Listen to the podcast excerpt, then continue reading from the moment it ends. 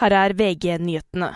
Av de fem overlevende etter helikopterulykken utenfor Sotra i går kveld, er én kritisk skadd, én alvorlig og tre lettere skadd.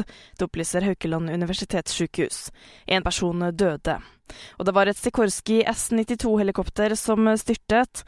Ifølge Havarikommisjonen har denne helikoptertypen hatt tre alvorlige hendelser i Norge, det skriver Bergens Tidende.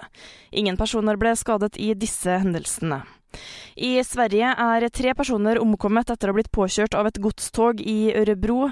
Ulykken skjedde inne på et stasjonsområde i går kveld. Det er uklart hvorfor de tre befant seg i sporet. En mann ble fredag funnet død i en kommunal bolig på Sankthanshaugen i Oslo. Mannen har ligget død siden i fjor. Naboer hadde ikke sett mannen siden desember i fjor, og alt tyder på at mannen har ligget død lenge, bekrefter politiet til Avisa Oslo. Avdøde var en eldre mann, og det er ikke noe mistenkelig knyttet til dødsårsaken. Reporter Thomas Alsaker. Sykefraværet går opp. Nye tall fra SSB viser at fraværet lå på 7% de siste månedene av 2023, en økning på nesten 4% fra kvartalet før. I studio Miriam Alsvik, nyhetene får du alltid på VG.